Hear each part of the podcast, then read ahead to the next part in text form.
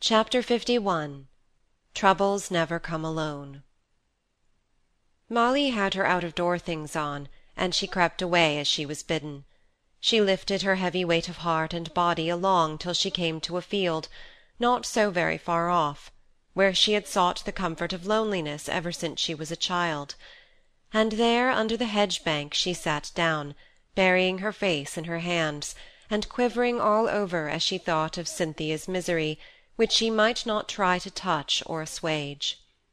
She never knew how long she sat there, but it was long past lunch time when once again she stole up to her room. The door opposite was wide open. Cynthia had quitted the chamber. Molly arranged her dress and went down into the drawing-room. Cynthia and her mother sat there in the stern repose of an armed neutrality. Cynthia's face looked made of stone, for colour and rigidity, but she was netting away as if nothing unusual had occurred. Not so Mrs. Gibson. Her face bore evident marks of tears, and she looked up and greeted Molly's entrance with a faint smiling notice. Cynthia went on as though she had never heard the opening of the door, or felt the approaching sweep of Molly's dress. Molly took up a book, not to read, but to have the semblance of some employment which should not necessitate conversation. There was no measuring the duration of the silence that ensued. Molly grew to fancy it was some old enchantment that weighed upon their tongues and kept them still. At length Cynthia spoke, but she had to begin again before her words became clear. I wish you both to know that henceforward all is at an end between me and Roger Hamley. Molly's book went down upon her knees with open eyes and lips, she strove to draw in Cynthia's meaning. Mrs. Gibson spoke querulously, as if injured.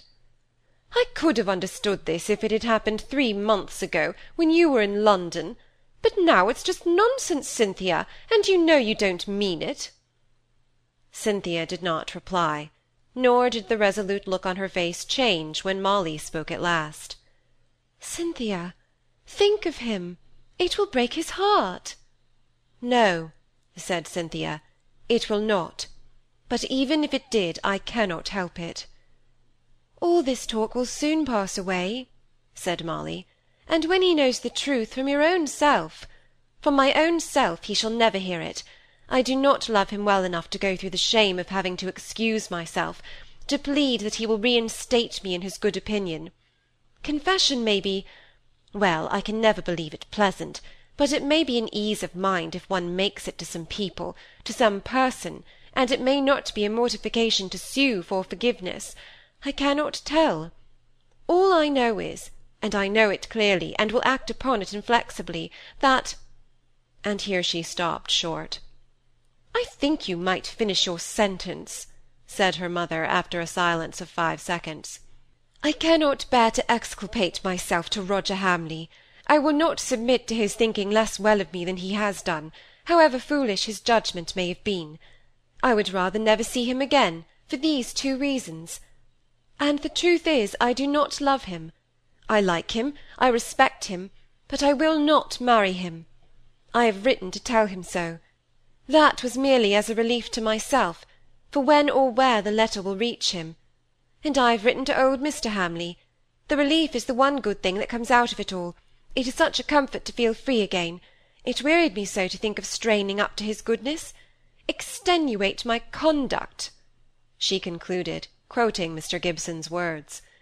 Yet when Mr. Gibson came home after a silent dinner, she asked to speak with him alone in his consulting room, and there laid bare the exculpation of herself which she had given to Molly many weeks before. When she had ended, she said, "And now, Mr. Gibson, I still treat you like a friend. Help me to find some home far away, where all the evil talking and gossip mamma tells me of cannot find me and follow me. It may be wrong to care for people's good opinion, but it is me, and I cannot alter myself. You, Molly, all the people in the town. I haven't the patience to live through the nine days' wonder. I want to go away, and to be a governess. But, my dear Cynthia, how soon Roger will be back, a tower of strength. Has not mamma told you I have broken it all off with Roger? I wrote this morning. I wrote to his father. That letter will reach tomorrow. I wrote to Roger. If he ever receives that letter, I hope to be far away by that time in Russia, maybe. Nonsense! An engagement like yours cannot be broken off, except by mutual consent. You've only given others a great deal of pain without freeing yourself. Nor will you wish it in a month's time. When you come to think calmly, you'll be glad to think of the stay and support of such a husband as Roger. You have been in fault and have acted foolishly at first, perhaps wrongly afterwards, but you don't want your husband to think you faultless. Yes, I do, said Cynthia. At any rate, my lover must think me so and it is just because I do not love him even as so light a thing as I could love, that I feel I couldn't bear to have to tell him I'm sorry, and stand before him like a chidden child to be admonished and forgiven. But here you are, just in such a position before me, Cynthia. Yes, but I love you better than Roger. I've often told Molly so. And I would have told you if I hadn't expected and hoped to leave you all before long. I could see if the recollection of it all came up before your mind, I could see it in your eyes. I should know it by instinct. I have a fine instinct for reading the thoughts of others when they refer to me. I almost hate the idea of Roger judging me by his own standard, which wasn't made for me, and graciously forgiving me at last. Then I do believe it's right for you to break it off, said Mr. Gibson, almost as if he were thinking to himself. That poor, poor lad.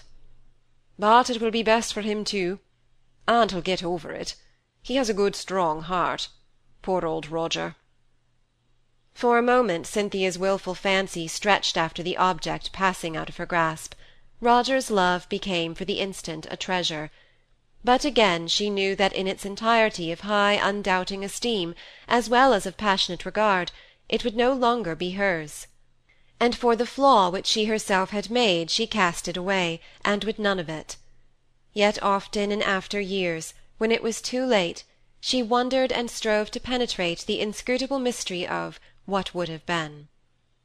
Still, take tomorrow before you act upon your decision, said Mr. Gibson slowly. What faults you have fallen into have been mere girlish faults at first, leading you into much deceit, I grant. Don't give yourself the trouble to define the shades of blackness, said Cynthia bitterly. I'm not so obtuse but what I know them all better than any one can tell me. And as for my decision, I acted upon it at once. It may be long before Roger gets my letter, but I hope he is sure to get it at last. And as I said, I have let his father know. It won't hurt him. Oh, sir, I think if I had been differently brought up, I shouldn't have had the sore, angry heart I have. Now, no, don't. I don't want reason and comfort. I can't stand it. I should always have wanted admiration and worship, and men's good opinion. Those unkind gossips! To visit Molly with their hard words! Oh dear, I think life is very dreary. She put her head down on her hands, tired out mentally as well as bodily. So Mr. Gibson thought. He felt as if much speech from him would only add to her excitement and make her worse. He left the room and called Molly, from where she was sitting dolefully. Go to Cynthia he whispered, and Molly went. She took Cynthia into her arms with gentle power, and laid her head against her own breast, as if the one who had been a mother and the other a child. "Oh, my darling," she murmured, "I do so love you, dear, dear Cynthia!" And she stroked her hair and kissed her eyelids, Cynthia passive all the while, till suddenly she started up stung with a new idea, and looking Molly straight in the face, she said, "Molly! Roger will marry you. See if it isn't so. You too good." But Molly pushed her away with a sudden violence of repulsion. "Don't!" she said. She was crimson with shame and indignation. "Your husband this morning, mine to-night. What do you take him for?" "A man," smiled Cynthia. "And therefore, if you won't let me call him changeable, I'll coin a word and call him consolable but Molly gave her back no answering smile. At this moment the servant Maria entered the consulting room where the two girls were. She had a scared look. "Is it master here?" asked she, as if she distrusted her eyes. "No," said Cynthia. "I heard him go out. I heard him shut the front door not five minutes ago." "Oh dear!" said Maria. And there's a man come on horseback from Hamley Hall, and he says as Mr. Osborne is dead, and that master must go off to the squire straight away. Osborne Hamley dead! said Cynthia in awed surprise. Molly was out at the front door, seeking the messenger through the dusk, round into the stable yard, where the groom sat motionless on his dark horse, flecked with foam, made visible by the lantern placed on the steps near, where it had been left by the servants, who were dismayed at this news of the handsome young man who had frequented their master's house, so full of sportive elegance and winsomeness. Molly went up to the man, whose thoughts were lost in recollection of the scene he had left at the place he had come from. She laid her hand on the hot damp skin of the horse's shoulder. The man started. "Is the doctor coming, miss?" for he saw who it was by the dim light. "He is dead, is he not?" asked Molly in a low voice. "I'm afeard he is; leastways there's no doubt according to what they said. But I've ridden hard; there may be a chance. Is the doctor coming, miss?" "He has gone out. They are seeking him, I believe. I will go myself. Oh, the poor old squire!" She went into the kitchen, went over the house with swift rapidity to gain news of her father's whereabouts. The servants knew no more than she did. Neither she nor they had heard what Cynthia, ever quick of perception, had done. The shutting of the front door had fallen on deaf ears as far as others were concerned. Upstairs sped Molly to the drawing room, where Mrs. Gibson stood at the door, listening to the unusual stir in the house. "What is it, Molly? Why, how white you look, child!" "Where's papa?" "Gone out? What's the matter?" "Where?" "How should I know? I was asleep. Jenny came upstairs on her way to the bedrooms. She's a girl who never keeps to her work, and Maria takes advantage of her." "Jenny! Jenny!" cried Molly, frantic at the delay. "Don't shout, dear. Ring the bell. What can be the matter?" "Oh, Jenny!" said Molly, half-way up the stairs to meet her. "Who wanted papa?" Cynthia came to join the group. She too had been looking for traces or tidings of Mr. Gibson. "What is the matter?" said Mrs. Gibson. "Can nobody speak and answer a question?"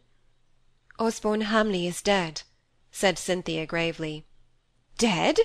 Osborne? Oh, poor fellow! I knew it would be so, though, I was sure of it. But Mr. Gibson can do nothing if he's dead. Poor young man! I wonder where Roger is now. He ought to come home."